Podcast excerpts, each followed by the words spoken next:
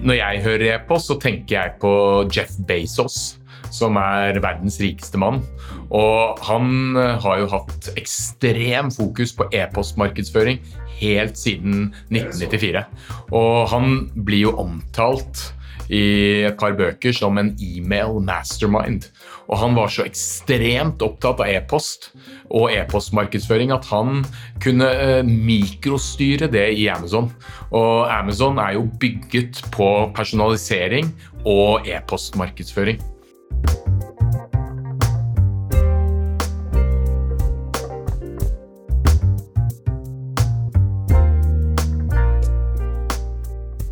E-post er en undervurdert og dårlig utnyttet markedsføringskanal blant norske netthandlere. Hvis flere netthandlere la like mye fokus på e-post som grunnleggeren av Amazon, Jeff Bezos, hadde netthandelverden sett annerledes ut. Det å gjøre mer enn å sende ut ukentlige nyhetsbrev for å selge ut overskuddsvarer. Med en riktig strategi og standardverktøy kan du la kundens atferd styre automatiserte utsendelser.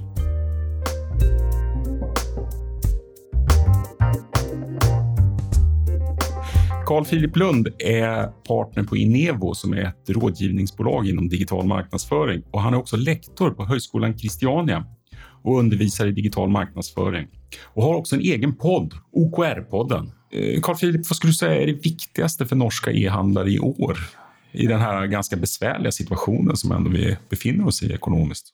Ja, ikke sant? Det er jo en urolig situasjon i verden, og alle kjenner jo på kostnadsnivået.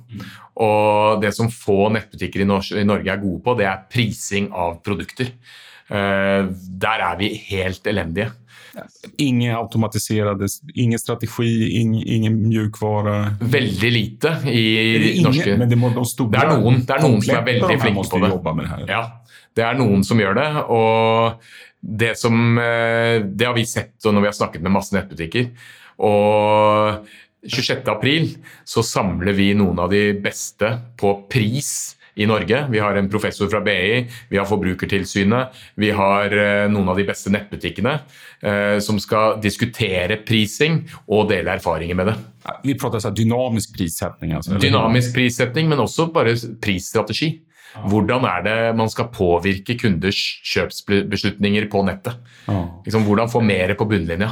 Jeg, jeg kjenner også at det finns, iblant finnes det en bild av at jobba med pris handler bare om å senke, men det handler ikke bare om å senke, det handler om å høye også. ja, Riktig pris til riktig person på riktig tidspunkt.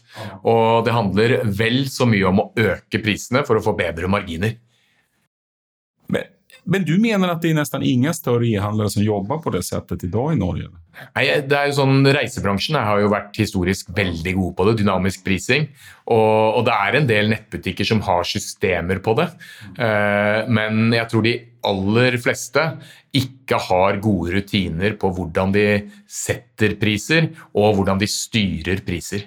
Det er veldig mye manuelt. Det er noen som har systemer på det, men eh, det er noe som norske nettbutikker må bli bedre på hvis de skal klare å, møte internasjonal konkurranse. Mm. Du, eh, du har en jättespännande lång historia inom vi ska inte, Det här är ingen historisk podcast. Vi ska inte fördjupa oss för mycket i historien. Men jag tänker att när man har en sån bakgrund som du så måste man nästan göra det. När och var kom du i kontakt med e-handel för första gången? Jeg tror det var i 1995. Eh, man, det kommer jo an på hvordan man definerer e-handel, men det å kjøpe og selge ting på nettet eh, Jeg tror jeg kjøpte noe i 1995, det tror jeg var et uh, internettabonnement, på en måte. Ja. og noe, Jeg husker ikke helt, men første gang sånn ordentlig jeg kjøpte noen produkter på nett, det var da jeg studerte i Seattle, Seattle. i 1996. Det kan man jo nesten si i den internasjonale e-handelens epicentrum. Alltså. Ja, jeg tror kanskje det. Amazon.com, Microsoft, uh, LinkedIn uh, startet jo i Seattle-området. Men du var der for å studere? Jeg studerte, ja. ja. Men, men sen kom du også å jobbe med markedsføring i Seattle? Ja, jeg, etter eh, at jeg hadde tatt MBA så begynte jeg å jobbe for et lite webutviklingsselskap eh, i eh, rett syd for Seattle. Og, og vi leverte da eh, tjenester til de store reklamebyråene i Seattle, som jobbet da bl.a. med Amazon, eh, Amtrak, Microsoft osv. Så, videre. så vi lagde egentlig webapplikasjoner for markedsføring for de store bolagene. Fanns det noen e-handel i Norge ved denne tiden? Ja, jeg husker at um, Komplett om det? De, som ja, de startet jo i 1997, tror jeg. Men uh, jeg, jeg, husker at jeg uh, tenkte at jeg var altfor sent ute. Uh, jeg startet jo en bokbutikk på, I Norge, da? Nei, på skolen min i USA. Okay. Fordi jeg syns det var så dyrt å kjøpe skolebøker. Du hadde kunnet blitt Amazon. Nei, det vet jeg. De eksisterte jo allerede. Men uh, jeg, jeg, jeg, var veldig opptatt av Amazon en, uh, i starten. Og jeg har faktisk uh, Her ser du Amazon sin annual report fra 1998. Da har de funnits i typ tre eller fire, fire år. år. Så de var jo et ganske stort bolag, eller et selskap allerede da. Men jeg startet noe som het Lootbooks på skolen. og det, Tanken var at uh, bokbutikken på skolen den, den uh, utnyttet studenter. Uh, de solgte dyre bøker til studenter, og så et semester etterpå så kjøpte de de samme bøkene tilbake til en brøkdel. Og så gikk det noen uker, og så solgte de de bøkene til nye studenter for, med veldig god fortjeneste. Så, så, jeg startet en, en butikk hvor studenter kunne legge ut bøkene sine selv. Eh, og så kunne de selge bøker til medstudenter eh, ved å gjøre et enkelt søk etter eh, klassene. Så, så, så du startet din første nettbutikk hvilket år da? Dette var nok i 1999, tror jeg det var. Ja, det er enda tidlig. Ja, jeg trodde jeg var for seint ute. Og da husker jeg at det fantes en del sånne boknettbutikker i Norge. Jeg husker ikke hvem det var, men på den tiden så var det jo liksom Amazon.com og Barnes Noble. Og, og, så var det en del norske bokbutikker som også hadde startet opp. Jeg tror Haugen Bok var eh, veldig tidlig. Så um, det var en spennende tid. Men du, det her er jo veldig lenge siden, men er det noen lærdom du tok med deg fra USA som du fortsatt anvender deg av i dag? Altså? Jeg tror det, det, som jeg lærte av Vi jobbet jo for eh, Amazon.com. Uh, og Amazon.com har jo helt siden starten vært ekstremt opptatt av e-postmarkedsføring. Og vi lagde jo et system eh, for Amazon som de brukte til å sende ut e-post til eh, kunder. Og det jeg lærte da, var at eh, selv i Amazon, som liksom er internett, e-handelens liksom mest kjente selskap, så var det fullstendig kaos internt. Eh, når de skulle sende over Vi måtte jo da importere e-postadresser inn i det systemet som vi hadde laget. Og, og de, de, sendte oss da e-postadresser via Fedex på, på CD-rom.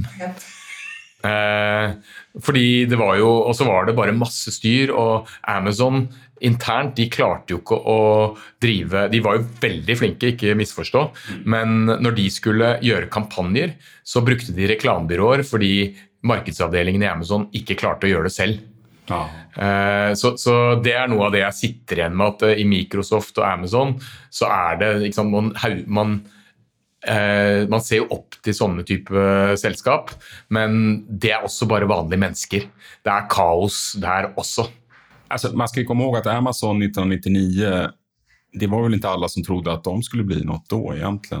Nei, jeg husker, jeg husker, at i Norge, lo, eller i USA også, så lo man litt av Amazon. fordi de, de tjente jo ikke penger før i 2001 eller noe sånt. og Det første, det første kvartalet de tjente penger, tror jeg var i 2001. og da var det jo, de startet jo i 1994. Og i Norge så lo man jo av netthandel. Det husker jeg veldig godt. at uh, folk når jeg sa eh, hva jeg jobbet med i USA, så sa folk i Norge at eh, når er det du skal komme deg hjem til Norge og få deg ordentlig jobb? I oljeindustrien eller fiskeindustrien? Ja, ja, eller finans eller et eller annet. Da. Internett var en Det var mange som mente at internett var en flopp. Mm. men, men er, du, er, du, økonom eller, eller, eller teknolog i båten, eller hva er det? Hva er det? Jeg studerte Jeg var vel to klasser unna å være sertifisert Eh, sånn certified public accountant. Så jeg, så, og så tok jeg markedsføring. Og så fant jeg ut at jeg kunne ta en master på veldig kort tid, fordi jeg tok noen sommerklasser og sånn. Og da tok jeg en master i business med fokus på teknologi og innovasjon, og en konsentrasjon i e-handel.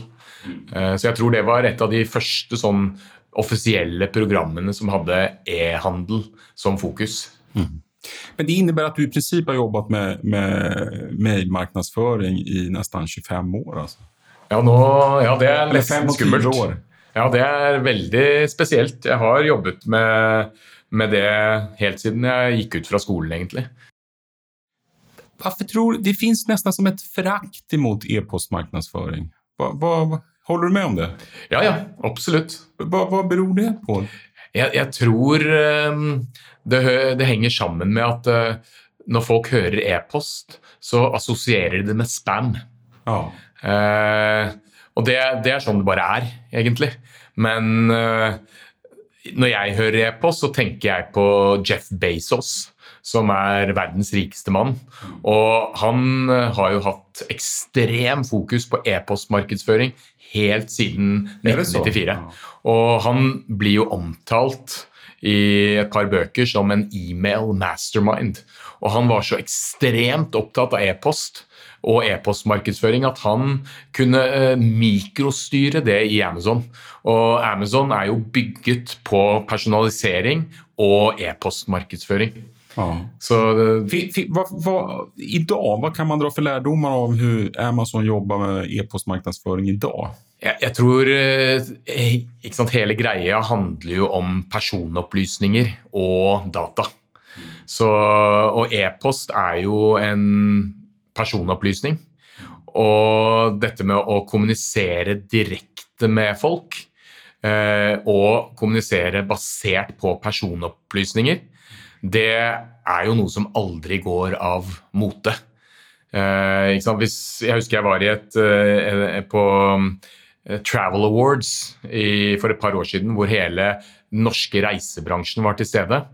Og, og da ble jeg spurt Vi liksom, kan si at du jobbet for Norwegian et år? ja, ja, jeg jobbet for Norwegian i mange år. Eh, Men da jeg var på den eh, Travel Awards, så var det en debatt. Og da ble jeg spurt om liksom, hva er den mest effektive markedskanalen. Hvilket år var det her? Dette var eh, 20, det må ha vært 2014-15, ganske lenge etter Og da, da var det sånn at eh, når jeg sa e-post, så var det en eh, veldig anerkjent person som satt på panelet sammen med meg. Han eier, han er vel en av de rikeste menneskene i Norge som eier, jobber i turistbransjen, eller reisebransjen. Mm, Det er Og inte han- så svårt å rekne ut hvem du mener. Nei. Eh, han, han er det Stordalen du prater om? Nei, det er ikke Stordalen. Nei, ikke Stordalen. Eh, det er eh, jeg, tror det, jeg, jeg tror det var eh, han Bråten.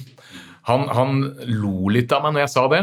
Han satt på scenen og lo av meg. Og, og da sa han bare at eh, sønnen min vet knapt hva e-post er. Uh, og det er vel ingen som tar e-post seriøst. Og, og, da, og den holdningen er jeg veldig vant til. Men så sitter jo jeg Jeg jobber jo, jeg er jo egentlig analytiker. Uh, og jeg har jo sett veldig mye tall. Og jeg vet jo, og jeg har lest mye om Amazon og fulgt Amazon også, jeg vet jo at eh, en stor del av omsetningen til mange av de ledende netthandlerne i verden kommer fra e-post. Men det jeg gjorde da, når, jeg, når eh, liksom hele salen smålo litt av meg, så spurte jeg bare salen ja, hvor mange av dere er det som har sjekket e-posten deres i dag? Og så rakk jo hele salen opp hånden. Og så spurte jeg hvor mange er det som har sjekket e-posten fem ganger i løpet av dagen. Så rakk jo alle opp hånden da også. Og, og så jeg, gikk jeg opp til ti ganger. Så folk sjekker jo e-posten sin hele tiden. Jeg, jag syns også at det er en liten så felsyn når man prater om at ungdommer ikke sender e-post. For det, det er kanskje ikke så de kommuniserer med sine kompisar, men de har jo all, alle må jo ha en e-post. Ja, altså når man, når man signer seg opp på, på TikTok, så er det liksom e-post eller mobiltelefonnummer. Og, og, be- og e-post og mobil er jo på en måte samme eh, prinsipp. Du sender en melding direkte til et menneske. Eh, og? Man bruker jo sosiale medier, men når man skal registrere seg for Facebook, Instagram, TikTok, så må man oppgi e-postadressen sin. Og når man skal registrere seg for en bank, når man skal betale skatten sin, eh, når man eh, Alt Alt. er jo knyttet mot enten e-post eller mobil. Så, så det er jo mer sånn offisiell kommunikasjon. Det er en, eh, når jeg kommuniserer med studentene mine, så har jeg testet hva er det som funker best. Er det, disse, er det chat? Er det e-post? Er det liksom disse læringsplattformene? Og der jeg får best åpningsrate og mest respons, det er når jeg sender e-post til studentene. Inevo har ju väldigt stora och fina kunder, alltså välkända e-handelsföretag och så välkända företag i, i Norge. Så, eh, hur skulle du säga, hur, jag förstår att du kan inte lämna ut siffror om era kunder, men vad, aggregerat, liksom, hur stor andel av deras försäljning tror du kommer, om du tar alla dina kunder och kör ihop dem, hur stor andel av deras försäljning kommer via e-post? Det er et godt spørsmål, men eh, jeg vil jo tro at eh, de beste nettbutikkene eh, Så tror jeg omsetningen fra e-post ligger på kanskje mellom 15 og 30 mm. Men det billig sett, på. Ja, det er ikke, ikke bare er det billig, men det er jo også det er jo effektivt. Og så er det jo også en kanal som du ikke gjør deg avhengig av de store tech-selskapene. Hvis, sånn som Jeg husker veldig godt at uh, Facebook for eksempel, det var jo en fantast, uh, fantastisk salgskanal i 2011. Når, eh, når, eh, når bedrifter begynte å forstå at det å ha Facebook-fans, det betydde penger i kassa. Uh, og så var det jo en gang, Jeg husker ikke når Facebook gjorde den endringen, men eh, man bygde jo opp followers på Facebook. Og så plutselig så fant jo Facebook ut at nå endrer vi algoritmen. Nå tar Så- vi betalt for allting. ja, nå tar vi betalt for allting, og når du poster en melding til dine Facebook-fans, så når du bare 3% av dem. Og, og det, har jo, det skjer jo med Instagram, med TikTok og andre kanaler, men med e-post så er det så lenge vi bruker e-post til å kommunisere privat og som bedrift, så, så er det jo sånn at e-post kommer jo fram, med mindre du blir tatt av spam-filtrene. Men e-postkanalen eier du selv. Jag har ju skrivit om digitala utvecklingen i, i, i 23 år och min erfarenhet är att alla nya kanaler som kommer, olika sociala kanaler och sånt, är att det finns i, i början så finns det en möjlighet att hacka de här och, och få väldigt bra effekt på sina pengar eller på organiskt. Men den perioden går alltid över Ja, och sen får man betala. ja det stemmer. Men e-post Den funker fortfarande. Ja, Ja. så, så det, det jeg har fokusert på, er jeg har sett akkurat det samme som deg. At eh, du må være litt tidlig ute, og så må du teste og teste og teste. Og så plutselig knekker du koden. Og så er det om å gjøre å bruke de nye kanalene til å bygge eh, e-postliste og opt-in til å kunne kommunisere direkte med menneskene. När ni får in nya kunder och så på Inevo, Mm. alla jobbar ju med e-postmarknadsföring, eller hur? Nei. Inte? Nei, Skojar. ikke. Skojar du? Inte bara att de gör det dåligt? Nei, jeg, ja, ok. det- Jeg tror jeg, Vi gjorde en sånn analyse av 100 norske nettbutikker i fjor høst. De största, eller? Vi, vi tok eh, 100 av de, de mest kjente. Eh, og så eh, tok vi liksom et godt spekter, et bredt spekter av de. Eh, men vi lagde en liste av ca. 100, og så tok vi noen internasjonale. Bare for å ha en benchmark. Og tanken var at vi skulle egentlig bare finne ut hvor mange e-poster er det ulike bedrifter sender eh, i løpet av Black Week. Eh, for vi tenkte at ok, hypotesen var at de beste internasjonale, de er eh, flinke. Ikke sant? Og så skulle vi se hvor langt unna norske selskap var benchmarken på de beste. Så hadde vi tatt et par-tre eh, utenlandske selskaper. Og så, og så telte vi hvor mange e-poster de sendte. Vi, vi satte opp en konto, registrerte oss for 100 nettbutikker, og så gikk alt inn i samme e-postboks, og så etterpå så analyserte vi. Og det vi fant ut, var at eh, hypotesen vår stemte. At uh, de beste, de, de mest anerkjente nettbutikkene internasjonalt, de sendte veldig mye e-post. Og de beste norske sendte også veldig mye e-post under Black Week. Men veldig mange bedrifter sendte nesten ikke noe e-post. Det var liksom én e-post eller to e-poster. Hva, hva beror det på, da? Jeg tror det beror på at uh, litt av den der myten om at e-post er spam. Og så er det ikke så, det er ikke så sexy å jobbe med e-postmarkedsføring. Det er de coolere med sosiale medier. Ja, sosiale medier er kult, og Google er litt kult, og PR og affiliate og e-post er ikke så veldig sexy. Nei. De som jobber da, med e-post, ja. hva, hva, de, hva er de vanligste feilene de gjør? Jeg utgår fra at de gjør feil. Ja, det er jo Nei, jeg tror den vanligste feilen eh, blant spesielt små nettbutikker er at de, er ikke, de har ikke noe struktur over det. De, altså, de har ikke en type kalender? Nei, de burde ha en kalender, og det å sende ut liksom hver vecka. Eller ja, også samme tidspunkt hver uke. Ja. Nå snakker jeg litt svensk her. Du skal prate norsk. Ja, jeg skal prate norsk. Jeg har svensk samboer. Så det, uh, nei, så de, de, de, har ikke noe system for å samle inn. De har ikke noe uh, De har ikke liksom prioritert det å samle inn e-postadresser. Uh, og det, okay, det börjar, første de gjør, er at de samler ikke inn e-postadresser? Nei. Ikke på et aggressivt sett? Nei, ikke på et aggressivt sett. Så, så, så, det er jo liksom hvis man, blir, hvis man, begynner å samle inn e-post, og så er det jo sånn at uh, veldig mange de kommuniserer jo ikke via e-post. Så de sitter liksom og samler, har samlet inn e-post, og så sender de kanskje ut et uh, nyhetsbrev. Og nyhetsbrev er jo den mest primitive formen for e-postmarkedsføring. Hva mener du med et nyhetsbrev? da? Det er jo en sånn der, eh, kampanje, på en måte. at ja, nå sender Fem varer? Ja, fem varer. ikke sant? Du har masse varer på lager, og så tenker du at nå må vi få solgt litt. Og så har du ikke noe sånn Du har ikke noe rutine på å gjøre det. Så sender du ut en e-post, og så analyserer du ikke noe. Og så gjør du det kanskje en gang i uken eller en gang i måneden, eller litt sånn vilkårlig. Så det å, det å liksom sette ting i system og være konsistent Handler det om verktøy, eller er det bare et mindset? Det er nok mindset. Verktøy, de fleste e-postverktøyene er jo veldig like. Så det er ikke noe sånn derre det er ikke noe super, det er ikke noe fasit at uh, dette verktøyet, så blir du flink. Hvilke verktøy jobber dere med? Uh, hva heter det? Uh, vi jobber med Mailchimp, Campaign Monitor, også det Klavio. Det er nok også Emarsis. Vi jobber egentlig jobber, Ja, de ulike, for de jobber på ulike kunder. Ja, vi jobber med masse ulike Så de jobber med deres verktøy som ja. de allerede har valgt? Så, så verktøyene Vi er veldig verktøyagnostiske.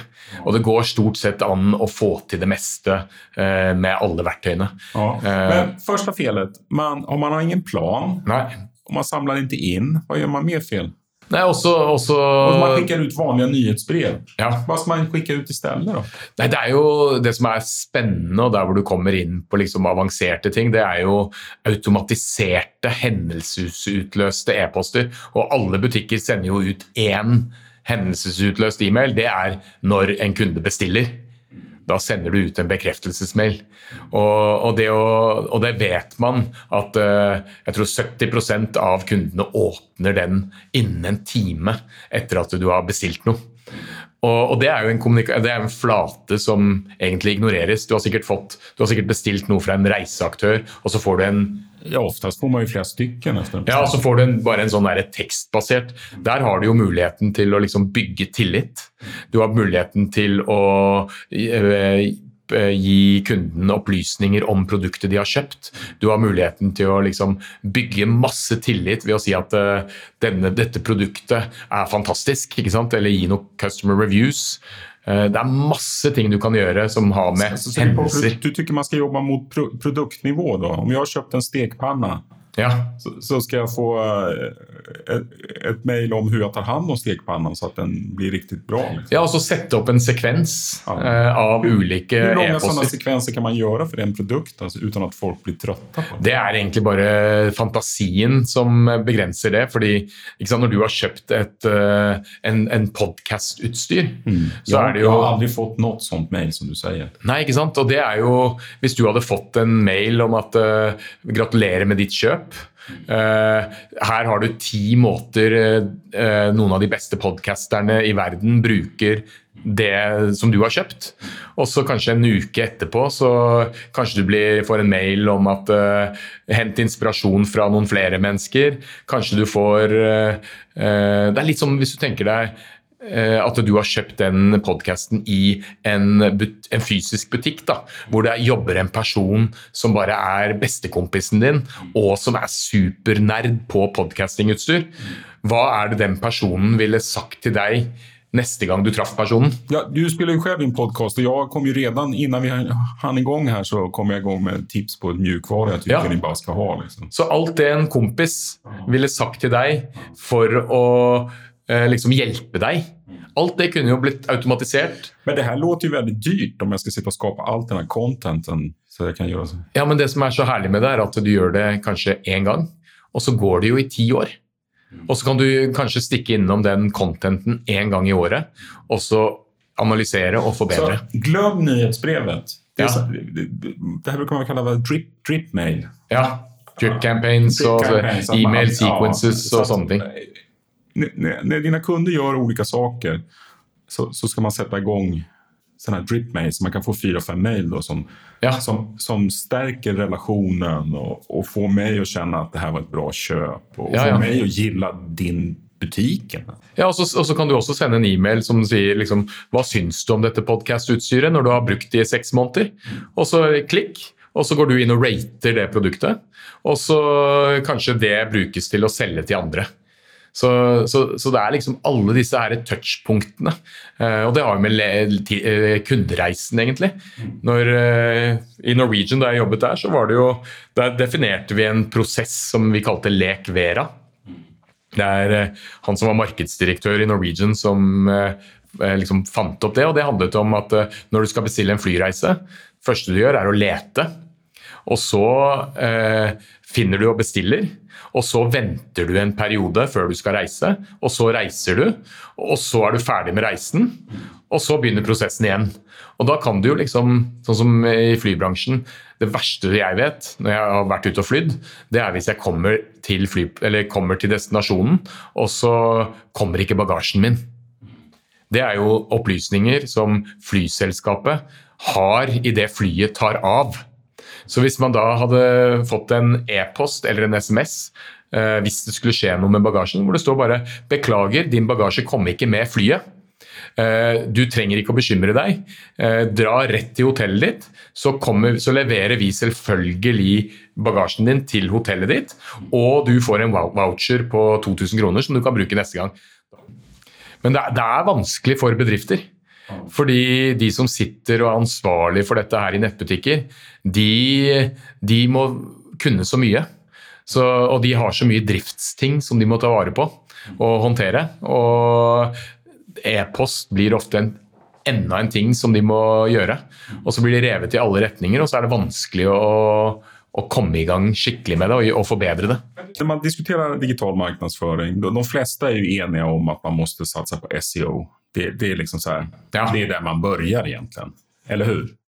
Jeg tenker eh, For meg så er jo SEO Det handler om eh, eh, godt håndverk. Mm. Så Ja, men det, det er grunnen. Ja, det er jo Google er det jo mange nå, nå er det jo litt spennende med AI og ChatGPT, fordi det jeg merker nå Det skaker jo om hele Ja, fordi jeg, jeg har merket at jeg googler mye mindre. Du kjører ChatGPT? Nei, jeg, jeg, kjører en plug-in i Notion som jeg bruker. Hvor jeg, kan, eh, hvor jeg får AI mye tettere på inn i en eksisterende arbeidsflyt. Har du hittat noe sett å anvende typ ChatGPT i markedsføring? Uh, egentlig så har jeg sett på måter jeg kan jeg, jeg, tror eh, AI og ChatGPT og den teknologien som ligger bak, kommer til å påvirke egentlig all markedsføring. Eh, vi ska, vi ska komma ihåg det att alla de här stora digitala plattformarna har ju AI i botten. Det får ja, ja. man inte glömma bort. Jag menar, Google Ads och Facebook, och alt har jo AI. har på med nu länge som helst. Ja. Men, men jeg ser mer på AI som egentlig nå, nå, har jeg alltid hatt en datamaskin når jeg har jobbet, men jeg kan tenke meg at um, de som satt og skrev ting for hånd, når de fikk skrivemaskin, eller når du fikk en kalkulator så, så, var det jo, når kalkulatoren kom, så var det jo mange lærere som protesterte mot kalkulatoren. ikke sant? Ja, jo, jo. Eh, og nå, er det samme, nå ser vi det samme på disse AI-teknologiene. Men eh, når jeg leste om liksom, hvordan mange bruker jo Microsoft-produkter. Og mange bruker Google-produkter, sånn Google Docs og Google Sheets og sånne ting. Når, når, AI kommer som en naturlig del integrert i det, så kan man spare sinnssykt mye tid på å bruke AI. Så når jeg, sånn som når du skal lese en artikkel, eh, så kan du, man kan jo sitte og lese artikler døgnet rundt, for det er så mye innhold rundt der. Merkelig. Men det jeg gjør når jeg leser artikler i dag hvis jeg finner, sant, Det er alltid noen artikler på Harvard Business Review eller eh, en eller annen sånn nisjesite som er spennende. Og så er de veldig, de beste, Det beste innholdet er jo ofte veldig langt. Det ser du jo også når du googler ting. så vil du se at de... Google prioriterer lange artikler. Ja, fordi de har en algoritme som sier at ok, en lang artikkel det er antageligvis en dyp eh, artikkel. Sen har jo amerikanerne en tendens å være veldig langrandige også. Ja, ja. Og det, det, er jo undersøkelser som er gjort der hvor de analyserer de ti øverste søkeresultatene i Google. Og så har de funnet ut at eh, vanligvis så er de ti øverste søkeresultatene de er i hvert fall når du søker etter nisjeting, så er de veldig lange artikler. Så, så, det jeg bruker AI til i dag, det er at jeg, hvis jeg finner en artikkel som jeg, enten noen sender til meg, eller jeg har funnet, så, så klipper jeg og limer den inn i, uh, i Notion. Og så, og så, skriver jeg bare, så trykker jeg space. Notion, Er det et lag på ChatGPT eller en egen Notion? Nei, Notion er litt som Google Docs eller uh, Microsoft Word. Okay. Og så Når jeg har pastet det inn der, så trykker jeg på space og så skriver jeg 'summarize this and give me actionable points'. Og i løpet av noen sekunder så får jeg en oppsummering av den artikkelen med noe som er veldig handlingsorientert. Funker det på norsk, eller må det være på engelsk? Det funker urovekkende bra på norsk. Eh, Notion. No, ja, og det er jo bare det er liksom, Du tenker deg Microsoft Word, og så har de koblet på chat-GPT-teknologien. Men det er en egen eh, Word-prosessor? Altså, eller? Nei? Ja, det er, en, det er, litt sånn Evernote, Google okay. Docs. Ja, just det, just det. Det, er, det, er, det stedet jeg bruker til å ta notater. Du må feede maskinen med gode prompts, og så må du drille ned hvis du bare skriver Ofte så er eh, AI bare crap. Du, du, det ser bra ut, men hvis det er en fagperson som ser det, så, så skjønner de at det er jeg syns det er kjedelig å lese ting som studenter kjenner inn, som jeg ser at de har brukt AI på. E-postmarkedsføringen, kommer den utvikles? På, på hvilket sett tror du at den kommer forandres over tid? her?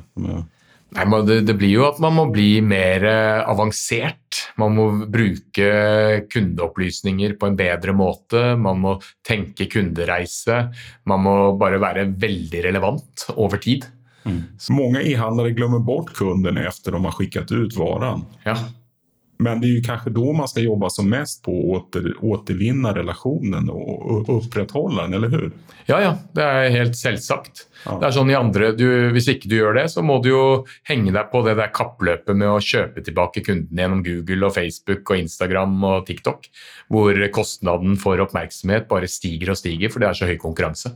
Mm. Så e-postlisten din er på en måte din så du trenger ikke å konkurrere. Du må jo konkurrere litt om oppmerksomheten i e-postboksen til folk. Men, men det på, kommer det noen nye markedsføringskanaler som de fleste ikke kjenner til, som du har koll på, som du kjenner at vi må ha koll på nå? Altså? Det, det, er jo det man må se på, er liksom eh, hvor er det folk bruker tiden sin? Det er jo en kamp om oppmerksomhet. Og, og hva bruker de tiden sin på? Nå vet jeg at uh, jeg, gjorde en liten undersøkelse i klasserommet her forleden. Det å se på screentimen til ungdom, det kan jo være litt interessant. Så jeg ble inspirert av en lærer på Jeg husker ikke hvor han underviste, men han hadde spurt ni studenter om å få se screentimen. Okay. Uh, og jeg gjorde det samme i mitt klasserom. Og han snakket med noen syvendeklassinger på ungdomsskolen. Og der var det liksom Det ungdommene brukte tiden sin på, det var TikTok og Snapchat. Og da er det timer vi prater om? Da er det, Jeg tror det var sånn at eh, i lø, den gjennomsnittet var på 40 timer per, vekke, eh, per uke. Eh, at de brukte tiden på TikTok og Snapchat. Og de verste de, de, hadde 58 timer i løpet av en uke på Snapchat og TikTok. Og, og da snakker man en arbeidsuke. Så, så, for meg så er jo det når, når folk For meg så har he, gjennom hele mediehistorien så har det jo vært liksom en, en kamp om oppmerksomhet. Helt fra aviser til radio til TV til mobil til uh, sosiale medier. Så er det sånn at uh, markedsføring handler om å få oppmerksomhet. Konkurransen er jo oftest ikke det man tror den er. Nei, og så tror jeg Det er også en feil som veldig mange norske nettbutikker, sikkert svenske også, det er at man ser på konkurrentene sine når man skal se hva som er smart å gjøre. Og min erfaring er at uh, se på andre land. Se på USA, England, se på Japan. Se på andre land, hva er det de gjør, og se på tvers av bransjer. Ikke se på, Hvis du driver med kosmetikk, ikke se på andre kosmetikkaktører. Se på, se på gamblingbransjen. Jeg jobber ikke med gambling i det hele tatt, eh, men gamblingbransjen har jo vært veldig langt fremme når det gjelder alt av digital markedsføring. Du, hva, kommer du jobbe, hva kommer du jobbe mest med de nærmeste seks månedene? Uh, nei, jeg har jo veldig fokus på Inevo. Uh, tidligere så har jeg jobbet som uavhengig rådgiver, og da har jeg hjulpet andre bedrifter å lykkes. Mm. Men nå er jo min hovedfokus det er jo på å utvikle Inevo. Eh, Hva er det vi skal utvikle Inevo innom, da? Nei, det er jo, vi er jo, eller Inevo er jo et sterkt fagmiljø. Så det å liksom utvikle fagmiljøet Og så handler det om å skape en, en fantastisk arbeidsplass for folk. Mm. Og da handler det om liksom kultur. Og, og, for å skape en god kultur, så må man jo ha tydelige mål.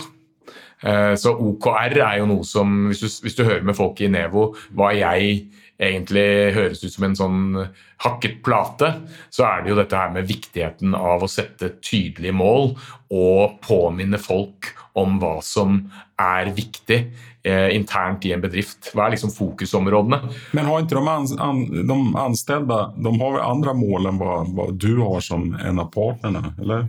Ja, ja, eller det er jo snakk om at man må jo Hvis man skal jobbe sammen i et team, så må man jo ha noen felles mål. Eh, og alle kundene våre har jo ulike mål, men det som er sånn litt overraskende, er jo at eh, veldig mange selskaper de har jo ikke tydelige mål. Eh, I mange selskaper så er det kaos. Mange har økonomiske mål. Jeg, jeg, Når man ser riktig framgangsrike foretak som går føre, der har man oftest en veldig tydelig visjon og en sterk leder ofte som driver igjennom det. Ja, og tydelig mål. Tydelig mål. Og, og, det du også vil se hvis du begynner å studere de selskapene som gjør det best i verden, ja. så bruker de samme målstyringsmetodikk. Du har jo, Visjonen er sterk, og så har du misjonen, eller mission, og så har du strategi. Og så er det mange som hopper over målstyring, eller så har de bare budsjetter som målstyring. Og det, det er ganske tråkig. Ja, det er jo, det er jo noe eller som kjedelig, sier man. Ja, ja, det er noe som kanskje toppledelsen eller eierne syns er motiverende.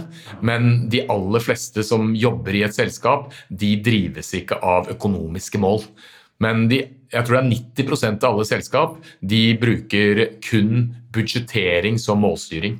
Og Det er der OKR og must win battles kommer inn. at eh, ok, Du kan ha et økonomisk mål og KPI-er og sånn, men, men, det å, å, svare på spørsmålene hva er det vi ønsker å oppnå, og hvordan vet vi, eller hvordan har vi tenkt å, å oppnå de målene, og så begynne å svare på de spørsmålene.